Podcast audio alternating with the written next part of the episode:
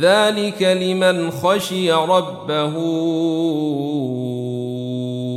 اذا زلزلت الأرض زلزالها واخرجت الأرض اثقالها وقال الانسان ما لها يومئذ تحدث اخبارها بأن ربك أوحي لها.